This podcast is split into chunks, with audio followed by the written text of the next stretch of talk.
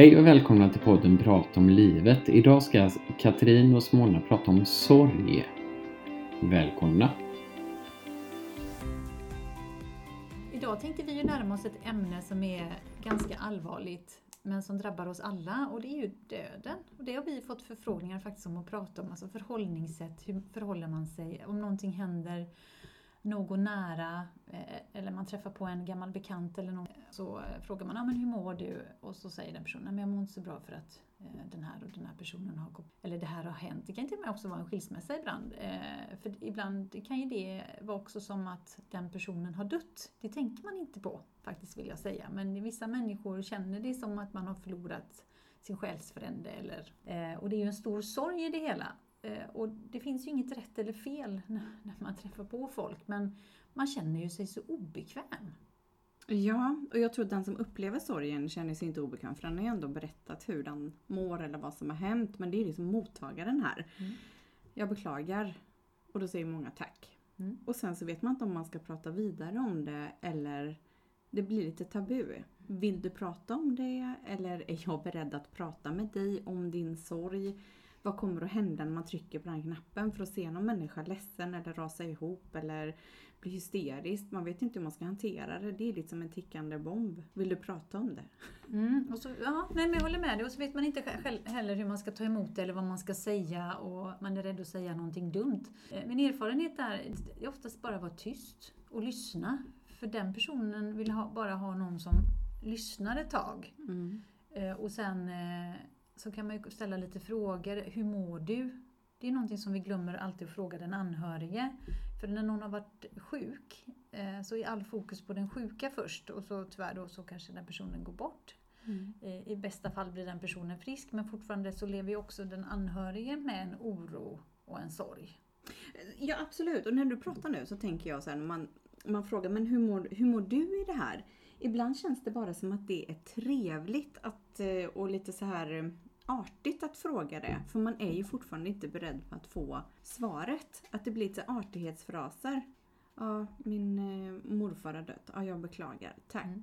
Och sen, hur mår du? Eller, ja, hur mår din mormor då? Alltså man, jag tror inte man känner att man orkar ta emot informationen. Eller orkar kanske är fel ord, men man vet inte hur man ska hantera den för det är lite känsligt. Men egentligen, vad är det värsta som kan hända här då? Ja, det är inte så mycket mer än att man Nej. säger något klumpigt och så får man be om ursäkt. Eller att man säger det med en gång. Istället att oj, det där blev lite fel. Det var inte, liksom, jag menade inte så. Om man nu upplever att det, det blir så. Jag tänker ju på en incident. Nu tar jag lite privata grejer för att det tror jag är bra. Man får lite exempel.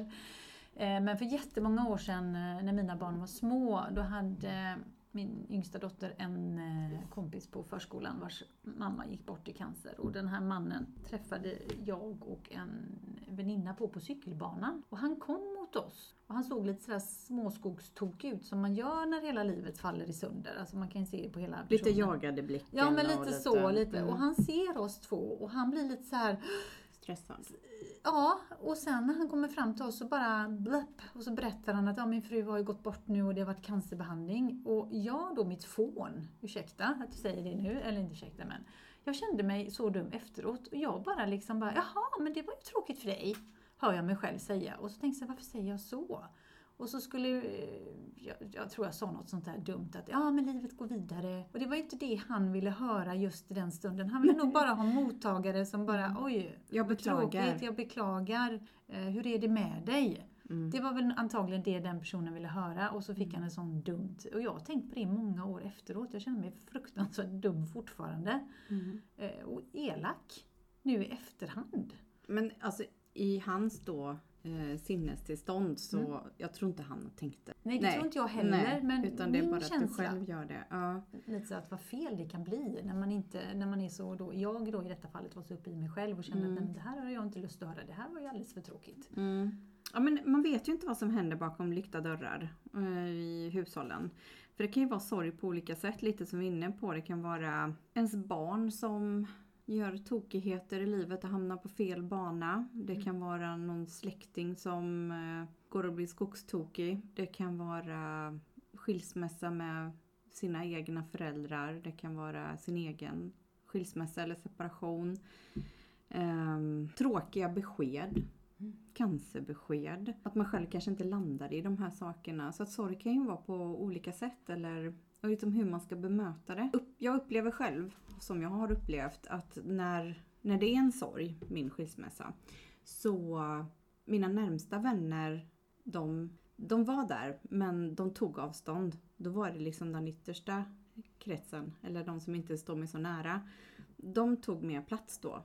För att det kanske var mer hanterbart har jag fattat i efterhand. Att det är mer hanterbart att hantera mig. För det är jobbigt att se någon som är ledsen. Mm. Självklart, alla tycker det. Men det är ju de som man känner också som man kan sitta och bara blapp, lite som du var ute på, allting kommer på en gång. För ältandet är ju någonting som gör att man kan acceptera det. Lyssna lite på vad man säger och ja, men det är lite terapeutiskt att prata om det för man kommer fram till nya infallsvinklar, man är ledsen, sen kan man bli jävligt förbannad för att det har varit så här eller vad det nu kan vara. Mm. För det, man kan ju faktiskt bli förbannad på den som har dött också. Det kan ju vara fruktansvärt arg på en person som har gått bort. Jo men jag tror det är väl den naturliga delen. Först kommer ju sorgen, sen kommer ju ilskan. Och sen hamnar man kanske i någon neutralläge och sen kommer bearbetning och sen går man framåt. Mm. Eh, och det är ju den här, när man kommer till den här ilskan så tänker jag ibland att det, det, det är först då som man är redo att gå vidare. För man blir Mm. arg på, på den personen oavsett vad det nu är eh, som har hänt. Och sen pratar man inte lika mycket vad ska jag säga? Hur ska jag säga detta nu då? det här, man, pratar inte, eh, man pratar inte lika mycket om, om sorgen naturligtvis då, för att Mm. man är så fruktansvärt arg. Mm. Men på något sätt så tar man sig vidare därifrån. För fastnar man i sorgen så kommer man inte vidare. Nej. Eh, Och det är lite tankevärt. Så jag brukar, inte så, men när jag hör att ja, men nu börjar den här personen bli arg, ja men då vet jag att nu är den här personen på väg. Liksom, att nu börjar det hända grejer Mm. framåt. Och det kan, ta, det kan ta år, det kan ta Ja. månader, det kan ta... Alltså allt har sin tid. Det låter Mm. väldigt klyschigt men det är ju hur man hanterar och hur man pratar om det. Om man har någon att prata på, om man söker extern hjälp eller bara pratar med familjemedlemmar så är det ju... Bara man gör någonting och inte stoppar liksom huvudet i sanden utan kanske pratar om sorgen. Ehm, har en väninna vars eh, barn dog i magen Mm. samma dag som skulle födas. Det var det är ju sånt som inte händer. Det är fruktansvärt. Eh, fruktansvärt är det. Jag har inte ens hunnit få, få leva och det var, det var jättejobbigt att eh, prata om. Mm. Jag, mina tårar föll ju mer. Och då kände jag att jag var jobbig när det var hon som behövde stödet. Att jag satt där och, och grinade. Men det Mm. gick bra. Mm. Det är det jag vill säga, att man reagerar på olika sätt och man pratar eh, med personen som har råkat ut för Den kan ju bli lite saklig och eh, medicinskt nästan, liksom man pratar om, om det här. Så att jag menar den reaktionen kan man ju också få om det är man själv som sitter och bölar. Mm. Medan andra blir liksom helt saklig som nästan får stötta mig som ska komma som stödet för att det blir en sorts bearbetning för alla. Och det är så jäkla konstigt att det är på det här sättet för att vi alla kommer ju att dö. Vi alla kommer råka ut för någonting Mm. tragiskt under livets gång. En del oturligt nog flera gånger och en del kanske bananskal och sen så dör. Äldre människor som oftast lever ihop väldigt, väldigt, väldigt länge som gifte sig kanske på 40-50-talet. Ja men de lever ihop, det är inte så mycket skilsmässor där för man gör inte Nej. det. När deras livspartner går och dör man ser ju nästan på, på människorna liksom den här tomheten och saknaden av sin bästa kompis. Det, det är väldigt sällan man ser en äldre dam eller herre som är lite lättad över att bli fri från sitt äktenskap. Liksom. Mm. Att det är många äldre som, hur deras vänner, har de gått och dött? Eller har de någon att prata med? Det kan jag gå och fundera på när man ser en gammal tant med sin rullator. Ja, för, ehm, och då tänker jag, jag har ju, min mosters man gick ju bort för några år sedan och hon är ju inte så gammal. Eh, eh, så, men hon är ju i 60-årsåldern. Men det som var så fint där, och det här visste jag inte så, eh, men är att kyrkorna har ju sådana anhöriggrupper. Och det är återigen, man vet ju inte vad som finns. Den där Nej. kyrkan. Nej men lite så. eh, Ja. För ofta så eh, det är ju någon form eh, av begravning som man har för den personen och där har man turen och kanske bor nära en kyrka eller en församling där man har de här anhöriggrupperna. Jag tror faktiskt var- varenda en har det. Och man känner att man orkar ta tag i. För att där finns det ju människor som förstår och kan dela en sorg i olika åldrar. Och Mm. förståelse för processen och man får prata av sig. Och det tror jag kan ge jättestort stöd. Mm. Just det här när man hittar likasinnade eh, som har en förståelse för det man går igenom eller de faserna man går igenom på ett helt annat sätt än vad de nära och kära Mm. som är runt omkring eh, förstår. Mm. För det är ju så här att, att vi kan inte... Jag brukar säga så här, jag, jag, är med dig eh, men jag, jag kan inte sätta in mig just hur du känner för stunden om jag inte har varit med om, om samma situation. Men jag kan Mm. vara här och jag kan stötta dig men du får tala om Mm. på vilket sätt jag ska stötta dig. Mm. För det är så svårt för mig att förstå för jag har inte gått i dina skor. Jag vet inte riktigt kanske den känslan om man inte har varit med om den erfarenheten. Nej, och det är okej. Jo, det är okej. Det är okej. För jag tänker just på det här med, med sorgerna som kan vara på olika sätt. Att livet kanske inte blev som man hade tänkt sig. På Nej. olika sätt. Eh, när man får barn eller ja, de här bitarna. Eller jobbet inte blev som man tänkt sig. Mm. Då kan det också vara en sorg Mm. eller sluta ett jobb. Eller, och att ändå försöka Även om man inte kan sätta ord på allting, försöka liksom förklara lite hur man känner och upplevelser för att bli av med de här malande tankarna, kanske känslan i magen, i, i trycket i bröstet eller hur det nu kan te sig. En del kanske blir arga. Sorg kan ju liksom utspela sig på många sätt. Man har ju till och med hört om de som har börjat skratta hysteriskt Mm. när det har varit eh, saker. Men det är ju ens försvarsmekanism eller på något sätt som man, som man har när det blir någonting som är riktigt sorgligt. Eller man blir jätterädd för någonting. Ehm, Den här mördaren som eh, rymde från rättspsyket här för några dagar sedan i Göteborg. Där tyckte jag blev väldigt, väldigt otäckt helt plötsligt. Jag brukar inte påverkas av det som står i tidningarna. Nej. Bara, Jaha, ytterligare ett mord. Jaha, ytterligare en eh, moské som har sprängts eh, någonstans. Eller jaha, här har det här hänt. Liksom. Det är för mycket att ta in för, för mig. Mm. Så att, men vissa saker fastnar, särskilt när de lägger in en, den här bilden med den här iborrande blicken. Det var Mm. precis som att, åh gud vad nära det kom nu. Och så Mm. bara, nu låser vi dörren ordentligt och det gör vi jämt. Och så tänkte jag, men gud vad, vad är det jag projicerar till mina barn nu? Min egen rädsla. Ja, men jag bara, försöker vara lite uppmärksam bara. Och innan jag gick och la mig så kollade jag under min säng. Mm. Alltså, Oj. och jag är 45 år gammal och kollade under min säng för att det här kröp på mig. Mm. Men allt annat, bombningar och skjutningar och allt som Mm. händer i Göteborg och, och så, det, det, det rör mig inte så mycket. Men där var det livsfarlig människa. Mm. Och då går jag inte omkring och rädd på gatan. Eh, att någon ska liksom göra någonting. Eller om man är ute och kör bil, att någon bil kan komma. Det, det sitter jag inte och tänker på för jag har valt att inte vara rädd Mm. för saker. Men han Det blev liksom mig. så att döden blev så... så eh, Ja, 57 Närmare. hugg. Han gav Ja. sig ju inte. Jag tycker det var helt fruktansvärt att läsa så bör man nästan liksom kolla, mm. kolla mer. Man blir lite manisk Mm. ibland och då tänker man så här, men gud mitt liv kanske är ganska lätt så att jag måste ha in lite utav någon annans smärta. För så kan det också vara en del som bara har otur hela tiden. Det finns ju människorna i, i sin eh, omkrets kan man Mm. väl säga som alltid har det lite för jävligt med sin sorg eller någon bearbetar eller vad det kan vara. Hur kan man hjälpa de personerna att knuffas eller är det bara någonting som de ska walk it off? Jag vet faktiskt inte. Jag, jag ser det framför mig så jag, så jag skrattar och det är, det är försvarsmekanismen man skrattar. Men det är ju, det är ju Gud vad jättetungt. tungt det här blev. Ja precis. Nej, men lite, man letar upp det lite för sig själv. Man bara oj vad tungt det blir. Men jag kan, Mm. jag kan uppleva att det finns vissa människor precis som du säger och, och de vill gärna vara där. Det är så hemskt att säga men för de vill inte ta sig uppåt eller utåt eller hur man nu ska säga eller bort från det utan de lever så mycket i de känslorna och det, på något sätt så lever de då. Mm. Det är så svårt att förklara men, Mm. men de, de, de får hela sin identitet i det. Och vem vill identifiera sig med att vara den ledsna, deppiga? Ja. Ja, det finns ju. Alltså, det är bara för mig som en obotlig eh, optimist. Ja. Eh, och hur man kan... Men jag tänker så här ibland att de människorna kanske, det var kanske enda gången de fick uppmärksamhet. När de var mindre, alltså att man råkade ut för någonting eller man berättade för några vänner att något hemskt hade hänt i Det där jävla mönstret rent ut sagt. Ja, det, jag Ja. tror det. Och sen så bara fastnar det och så fastnar man i det och, och man känner inte till någonting annat. Och så fort man kommer ut det och blir för glad eller för bra saker händer. Mm. Där har jag hört väldigt ofta från olika människor som jag har mött på under årens lopp, som jag arbetat med. Det är att när det blir för bra eller man är för glad, nej men det är klart att någonting händer. Och vad, så, vad de oftast kommer på själva då, det är att de själva gör någonting så att de förstör inom För en balans.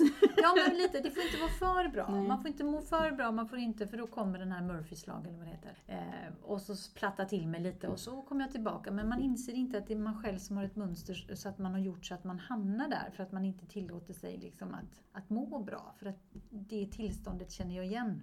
Mm. Men det andra tillståndet känner jag inte igen. Mm. Ehm, och det är rätt intressant men då kommer vi in på något helt annat också. Men det har ju det här att älta sig och grotta sig och fastna. Det har vi pratat om så många gånger innan också. Och jag brukar ju säga att det finns inte så mycket man kan göra om människor fastnar där än att faktiskt säga till dem. Eller att man backar. Att man är och säger så här, du nu har du eh, varit där för länge. Och nu, eh, tycker jag, nu vill jag inte se på Mm. dig. Jag tycker alldeles för mycket om dig för att se på att du gör så här mot dig själv eller gör dig själv illa på grund av att Mm. det här. Eh, Så nu backar jag, men jag finns här den dagen du behöver hjälp. Så Mm. kommer jag finnas alltid för dig. Liksom. Ja, livet går ju vidare, så är det ju och man får välja om man vill leva det eller inte för någonstans är vi placerade här på jorden. Ja, och vi har ju en tid allihopa och, det är, och vi vet inte hur lång tid vi har eller hur kort tid. Vissa säger ju att livet är alldeles för kort, andra säger att livet är jättelångt. Det beror Ja. på vilken hållplats man är på i livet. Ja. Om man tittar åldersmässigt och ser lite vad är det jag fokuserar på, vad är det jag väljer, väljer vad är det jag återigen vä- väljer att titta på, för det Mm. pratade vi om, i förra avsnittet med. Men jag tänkte ju också det att, att när man tittar, som jag kan uppleva när man är i botten alldeles eh, och eh, helt jätteledsen av sorg och hela livet bara kraschar. Eh, och när någon försöker peppa upp en och det blir så fel. Det här med Mm. att ah, men det är dags att gå vidare nu. Mm. Eh, Du kommer se om några år har du glömt det här eller du får Mm. gå ut och träffa någon annan så glömmer du bort det här. Mm. Och så tittar man på den här personen och så tänker man så här, men det är inte det det handlar om. Nej. För man är så uppe och snurrar och då tycker jag att man ska...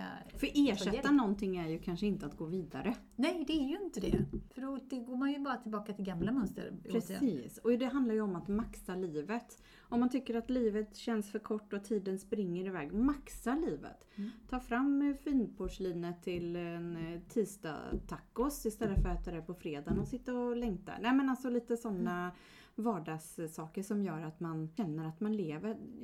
Sälj allting och, och stick utomlands och gör någonting eller köp den där båten eller vad det nu kan vara. Så kanske inte alla har så här, ekonomisk, eh, ekonomisk möjlighet till att göra grejer men allt behöver ju inte handla om att köpa sig lycklig, Nej. vilket många faktiskt kanske gör. Mm. Eh, eller att man kanske blir helt personlighetsförändrad, där man får andra värderingar absolut när, när någonting, om någon dör eller vad det kan vara, att man får en, en påminnelse. För det är oftast när någonting tragiskt händer som man blir tacksam Mm. för saker och ting och lever lite i det. Ett par dagar. Mm. Och sen är man tillbaka i sitt eh, vardagliga jag. Men försöka maxa livet och försöka må så bra som möjligt. Säga att man är tacksam för någonting varje dag. Det tror jag.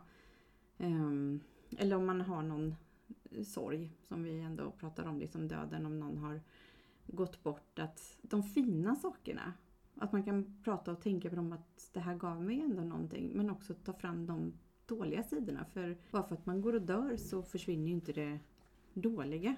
Nej, jag tänker på nu när du pratar om det så tänker jag också att, att faktiskt att se till de som man har nära, som man bryr sig om och som bryr sig om en själv, att man faktiskt gör saker tillsammans, att man finns närvarande. För någonstans när jag går bort, den här övningen har jag gett till flera stycken, att vad, vad vill du att dina barn ska säga på din begravning? Eller vad vill du att dina närmaste ska säga? Mm. Om de ska hålla ett tal för dig, vad, vad ska de säga? Och jag hoppas ju att mina, mina nära, närmaste alltid säger, säger att, jag, att jag var där, att jag var närvarande, att, att vi hittade på saker, att vi att vi har de här fina minnena. Visst, det är jätteroligt att ha en jättefin bil och det är jätteroligt att ha en fin lägenhet eller fina möbler, eller fint hus och allting sånt där. Men, men att leva i nuet och vara, att, att göra minnesvärda saker. Mm. Ja, men vi åker och hoppar på det här hoppstället. Vi eh, spelar Fia med knuff. Alltså, precis som så, man behöver, det behöver inte alltid kosta. Vi gör lite roliga saker. Vi går ut och plockar svamp eller vad det nu än är för något. Men att man finns alltid i nuet och man alltid finns där. Att vi Mm. skrattar mycket tillsammans. Stanna upp i Ja. livet också. Det är helt okej att stanna upp och bara vara. Mm. För det vill jag att man ska komma ihåg. Mm. För det är det som jag kan uppleva lite. Min pappa gick ju bort för några år sedan. Och lite det du var in på, inne på också, att alla har vi ju plus och minus. Eh, och där har jag försökt titta på de bra stunderna som jag hade med min pappa. Mm. Alltid liksom att inte eh, se det som var tråkigt. Jag kan ju säga att min pappa fick ju Alzheimers ganska tidigt eh, för att han fick en hjärnblödning vilket gjorde att jag sörjde honom och hans person så många år innan Mm. han gick bort. För att han blev ju helt personlighetsförändrad. Och- det var jättehemskt att se hur han förändrades och det var en jättestor sorg. Och förklara för närmaste som inte förstår eftersom han Mm. var ändå, han var väl 62 kanske? 63 när han fick det. Min pappa gick bort när han var 82 kanske. Mm. Ehm, så det var ju ändå en ganska lång resa att se honom förändras och, Mm. och, ehm, och det var en jätte, jättestor sorg. Att, Mm. Och att inte omgivningen heller förstår lite så när det, när det är så Mm. tidigt. När någon är äldre Mm. så är det lite lättare men när det blir Mm. en person som yngre. Nu var ju på tapeten med den här skådespelerskan, jag tror hon heter Nina Gunke, som kom Mm. ut med att hon har fått Mm. Alzheimers så här tidigt. eh, Och den rädslan och det hon går och bär med. Och också liksom alla runt omkring där. Mm. Eh, Alltså hur bemöter man det? Hur känns det? Och det känns fruktansvärt att se denna personen Mm. eh, förändras så. Och man sörjer ju den människan som var. Men det är också en, en kliché kan jag ju tycka att vid dödsbädden ska man bekänna sina synder och be Mm. om ursäkt och allting ska hända då. Mm. Varför vänta? Varför inte ta tag i det redan idag? En förlåtelse eller en reprimand eller vad det nu kan vara som man går och bär på. För det tror jag kan äta upp en inombords också. Det kan vara ganska skönt att slippa den bördan som någonstans i lilla ryggsäcken man har med tegelstenar, med Mm. saker och ting. Mm. Att kanske skönt att lyfta ur den innan det är för sent. För det, det tror jag många också har en rädsla av att man ska hinna göra saker innan det blir för sent. Man ska mm, prata om saker innan det är för sent. Eller berätta vad man tycker och tänker innan det är för sent.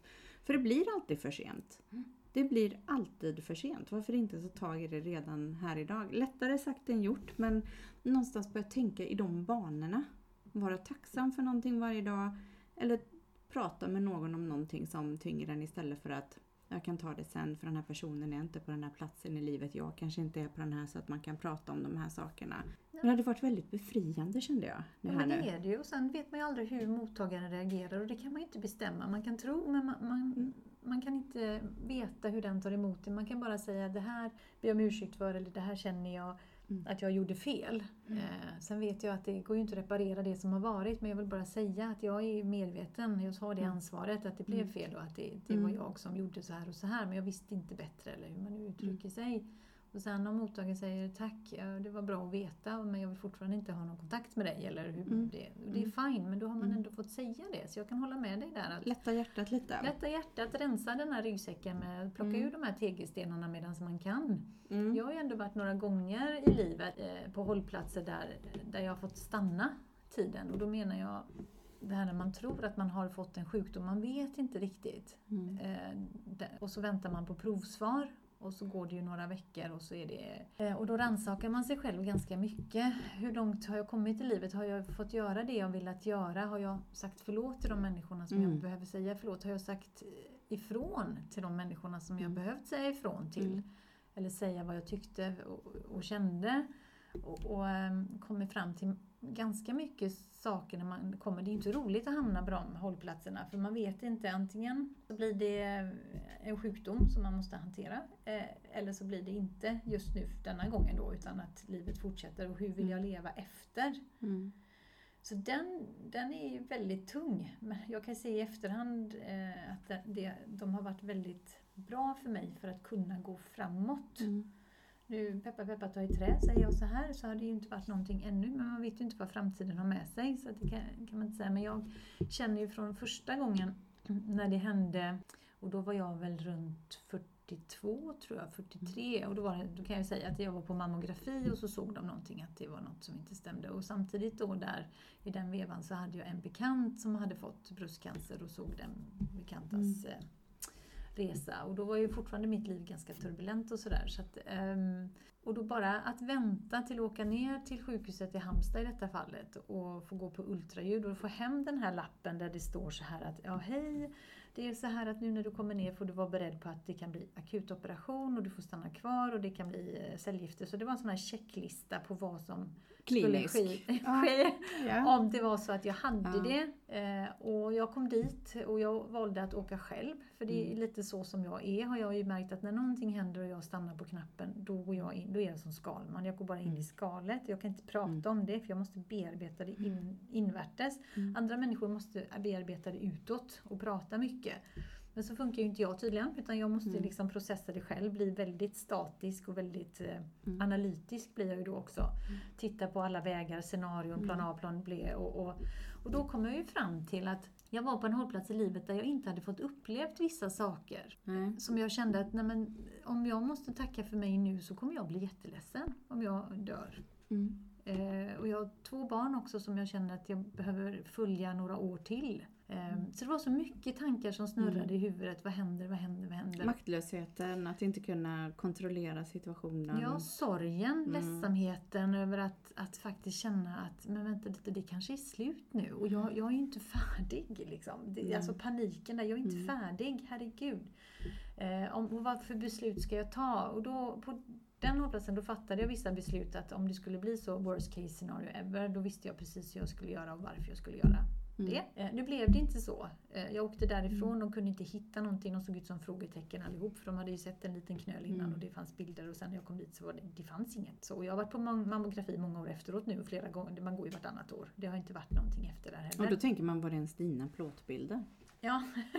ja. För det är ju mänskligheten där också, att det Ja. kan bli tokigt. Fel besked, fel beslut, fel, fel tidpunkt liksom. Men jag tänker på läkare, Mm. poliser, Mm. Präster. Mm. De pratar ju om de så dödsbesked eller hur förbereder de sig då? Ingår det i deras utbildning eller har de ett mindset? Jag tänker att hur man ska bemöta. Jag tror att just det här att möta någon i sorg eller komma med det tråkiga beskedet, ledsammaste, det livsförstörande, livsomvälvande beskedet till någon. Jag var den som för jag tror man kommer ihåg den här personen väldigt väl. Och jag tänker att om det här ingår i deras yrke så är de faktiskt människor när de går hem från jobbet. Men det här är deras jobb. Mm. Och hur de professionellt måste gå in och vara lite kliniska Mm. och liksom ingen... Men det får de säkert, alltså det har de säkert gått i kurs och de har säkert... Eh, Det borde ju stå som varnings, eh, varningssignal när man Ja. söker till den utbildningen. Lite så faktiskt. Nej, men de har ju säkert där de debriefar som det så fint heter, att de får Mm. prata om det. Mm. För det är klart att det är ju fruktansvärt eh, att sätta sig in i den situationen att man ska gå hem till en familj och berätta att anhörigen har gått bort, att man har hittat den personen och, och du vet, det kommer så mycket frågor och sorgen och, Mm. och, och allt det. Så att, eh, det är klart att de behöver ju också en ventil Mm. och har tränat på att, att föra de samtalen. Samma sak präster också. Alla Mm. de som jobbar med det, sjukvårdspersonal och så. Och, och där blir det att man får ju ha den här on-off-knappen. Att man, man bemöter en människa med respekt, med empatin. Att jag ser dig, vi är Mm. jätteledsna. Mm. Men att inte gå in i den här sympatin och ställa sig och börja gråta med personen. Mm. Att liksom ta över den personens känslor, det är ju en Mm. träningssak. För Mm. det gör vi ju när någonting drabbar Mm.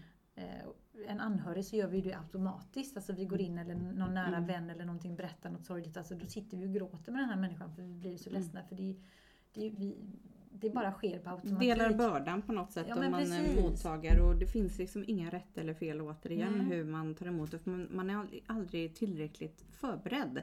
Nej, Man är inte tillräckligt förberedd med någonting som är så jäkla naturligt. nej, men Och det är faktiskt. sjukt. Och jag tänker också på det när jag har jobbat ibland i olika situationer så kommer det upp eh, det ena och det andra. Att sitta då och vara professionell och lyssna och bara liksom ta in och bekräfta den personen utan att jag Mm. får ju inte liksom visa. Liksom, jag, jag visar ju med mitt sätt att ställa frågor och, Mm. och att eh, det är okej att, Mm. att gråta, låta personen gråta färdigt och Mm. liksom bejakar hela den, den Mm. utan att känna själv att oj, Mm. Att, jag, att vara rädd, rädd för, för att det blir för tungt. Det är väl lite dit jag Mm. vill komma också. Mm. Och även som eh, nära vän eller nära anhörig när någon eh, brister i gråt. Att man faktiskt bara är i nuet och låter det komma. Att låta den personen få vara ledsen. För det kan jag känna också, och det tänkte jag förut också när vi pratade här med, med ledsamheten och sorg. Att idag så, så fort vi känner minsta lilla grej så har vi ångest. Kan jag uppleva. Nu pratar Mm. jag inte om de här människorna som Nej. har riktig ångest. Jag vill bara Nej. säga, det, det Mm. finns olika grader där också. Mm. Men ibland har jag mött ungdomar som har pratat om att de har jättemycket ångest och, och när man har skrapat lite på ytan, som jag brukar säga, ställer lite frågor och så. Så till slut så har jag kommit fram till och så ställer jag frågan liksom lite åt det hållet så att de ska komma på att det kanske är sorg de går och bär på. Mm. Ehm, och där har vi till exempel när man slutar gymnasiet. När man ska Mm. ut i vuxenvärlden och man förstår inte vad det är och man Mm. får ångestattacker som man uttrycker det. Mm. Och sen visar det sig att det är sorg över att man inser att den här perioden i livet är slut. Nu kliver jag in i vuxenvärlden och nu förväntas det helt andra saker. Mm. Eh, samma sak med, med vänner eller vad det nu än är. Att, att jag upplever att vi får inte vara ledsna idag. Vi får inte känna känslor. Vi, Mm. får, vi får vara arga och göra dumma saker. Men just det här med ledsamheten, den här genuina ledsamheten, att det kopplas med ångest kan jag uppleva är väldigt, väldigt vanligt. Men det kanske är för att det här trycket över att man inte Mm. riktigt vet hur man ska hantera fast det är egentligen tårarna eller ilskan som Ja. vill ut och så blandar man Ja. ihop det med ångest. Jo men man får ju inte gråta. Det är ju inte, det är ju inte okej att gråta. Alltså det, vi har ju lärt, lärt oss, eh, mer killar än tjejer. Tjejer gråter ju mer än, än vad män gör. Men där ha- hade jag faktiskt en äldre dam en gång. Vi pratade om det, i, jag hade en workshop. Och så kom jag in på det här hur viktigt det är att gråta. För jag själv har också svårt för att gråta. För det har jag ju fått lära mig att det gör man ju inte för då är man jobbig. Mm. Eh, Vilket gjorde att ibland när jag såg på roliga filmer så skrattade jag så mycket och så gick det över i gråt. Och jag förstod inte varför jag satt Jag blev så Nej. hejdlöst ledsen. Fast jag Så jag gillar satt och den tittade. känslan. Jo men förstår du, för man tillåter sig inte den. Mm. Och att om man kommer på att det är ett knep Mm. eh, Mm. att göra då, titta på roliga filmer eller titta på väldigt sorgsna filmer så att du Mm. bara får gråta av dig och känn Mm. känslan sen på trycket på bröstet och allt det här vi pratar om, Mm. kroppen, alltså lättheten som kommer efter Mm. när man verkligen får göra som Helena Bergström gör på alla sina filmer, fulgråta. Med Alltså så snoret flyger Ja, och så. precis. Vad händer då? Och, och den här kvinnan som tittade på mig då och tänkte så här, hon är inte klok. Men så kom hon tillbaka veckan efter och så fick jag en liten feedback och sa, ja, jag lyssnar på det. Jag har faktiskt aldrig gråtit. Men jag. Jag grät och jag grät och jag grät. Och herregud vad skönt det var. Mm. Vad skönt det var. Och jag tillät mig att vara i den sorgen. Mm. Och sen bara försvann det. Mm. Och det, nu menar jag inte att man råkar ut för, för någonting, att det bara försvinner sorgen. Men hon hade gått och burit på så mycket under årens lopp. Mm. Och det var ganska distansis, distansis, nu kan inte prata, distansiserat. Nu kan jag inte prata. Det var långt avstånd mellan det som hade hänt. Det var det ordet jag sökte efter. Eh, och då blev det, hon fick en helt annan syn på det och, en helt annan process startades igång i henne så att hon gick framåt på ett, Mm. på ett eh, sätt som inte hon hade förväntat sig. Hon började dejta igen, vilket hon hade liksom Inte aldrig... gjort innan. Nej. Nej. Men jag, jag tycker att gråta är som att gå och kissa. Det Okej. måste ut lite. Det är, ja. Ja, för, för jag gråter ju till Idol. ja. Jag kan gråta till eh, filmer, till böcker, till musik, till texter, till människor. Och så kommer det, det är inte så att man sitter liksom och eh, attackgråter. Jag vill inte uppleva mig som en sorgsen människa, men väldigt nära känslan av högt och lågt när någonting är fint eller vackert eller en solnedgång eller en stjärnklar himmel och så faller det lite snö. Då kan jag bli lite Ja. tårögd och så släpper man ut lite grann. Jag tycker det är jätteskönt. Det är som att gå och kissa för mig. Och det är ju så, vi funkar ju alla olika där. Mm. För vissa kan titta på eh, alla möjliga filmer eller Mm. lyssna på musik eller så, och det, Mm. och det händer ingenting och de sitter och tittar på en lite så här som mina barn. Så jag tittade på Les Misérables för många år sedan, släpade med dem på bio där och såg när de sjöng där. Eh, och så på slutet, och jag grät och grät. Och då ser jag två barn på Mm. varsin sida, sitter och tittar på mig bara, Mm. lutar sig framåt och bara Gråter du mamma? Precis, jajamän. Och tårarna bara flödade och jag bara Mm. åh, så här fulgrät. Jag kom ut och var alldeles svart under ögonen. Och Ja, men bara, lite "Mm, så är kul." det ju lite är det ju så också när man kollar på, på film med, barn eller Mm. eh, så. Och så hör de direkt när de här fiolerna kommer i slutet. Så här, då, då sitter jag ju redan och lipar och jag sitter och kämpar med att hålla inne Mm. för jag vill liksom ha ett litet den också men jag vill inte förstöra stämningen. Utan mer bara sitter och jag kan knappt andas här, då så kommer det tårar och sen så bara jätteskönt och sen bara nej men skulle vi laga middag nu eller? Alltså Ja. för mig blir det bara Ja. en som att trycka på en knapp Mm. och sen av och på knappen. Av och på. Det är som Skönt. att- ja, det är jätteskönt. Men att bli arg, Mm. det tar lång tid. Jaha. Mm. Irriterad så, här, Ja. så men riktigt arg. Ja. Det sitter djupt inne. Mm. Det skulle man vilja locka fram lite ibland. Men det är nog bara för att man är så, eller jag man, jag är positiv och ja, ja, det här ordnar sig. Ja, ja, ja, man gärna. Ja, Och det är rätt intressant för jag tror väldigt många av oss har just det här med att man trycker ner sin ilska. Mm. Eh, För att låter man den komma fram, Mm. oavsett vad man har med sig i bakgrunden, så, så upplever man inte den är bra. Jag brukar säga så att pys ut din ilska, ta en sån här boxningssäck eller kuddar hemma.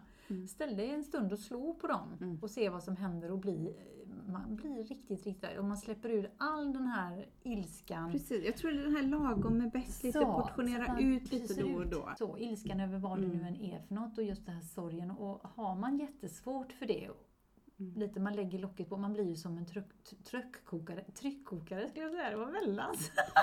Många nya ord. Ja, precis. Ja. Men man blir som den här tryckkokaren som bara pyser över sedan. Eh, och den kan jag säga, den, tror jag inte är bra. Är så för någon. Nej. det, då, då går det över så fruktansvärt mycket. Men kan man, precis som du säger, någonstans bara ha det här att man, man får ur sig, pyser ur det värsta. Eller jag kan säga att jag, är- nu är jag så arg på dig, jag är så arg. Och man har de här inre monologerna, när man har dem i huvudet Prata högt även om du tror att du är tokig när du är arg på någon annan eller arg på dig själv eller vad, vad det nu än är för något. Att du, man liksom släpper ut det. För då inser man att, aha, okej. Men det är ju också så att man backar ju lite när någon vill uttrycka saker och ting. Mm. och eh, man vill låta den personen prata lite färdigt så man nästan glömmer av vad det man själv skulle säga för man blir lite förvånad, chockad, fundersam över vad den andra personen säger. Så att det är ju också lite hämmande. Att om man inte får göra det samtidigt för man är lite uppfostrad. Släpp ut, gör det här Mm, nu du ville mm. prata om och sen så bara, nu vet inte jag vad jag ska säga. Nej. Där hamnar man ju också. Mm. Men lite det här att pys lagom.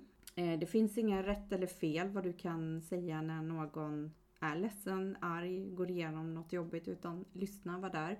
Säg tokiga saker. Ehm, Bara du liksom mottar det på något sätt. Försök leva livet till fullo som du vill göra. Din egen bucketlist. Har du ingen bucketlist, sätt igång och skriv den. Vardagen, lite lyx i vardagen. Göra de här små sakerna som att för livet tar slut. Så Mm. är det bara. Så är det bara.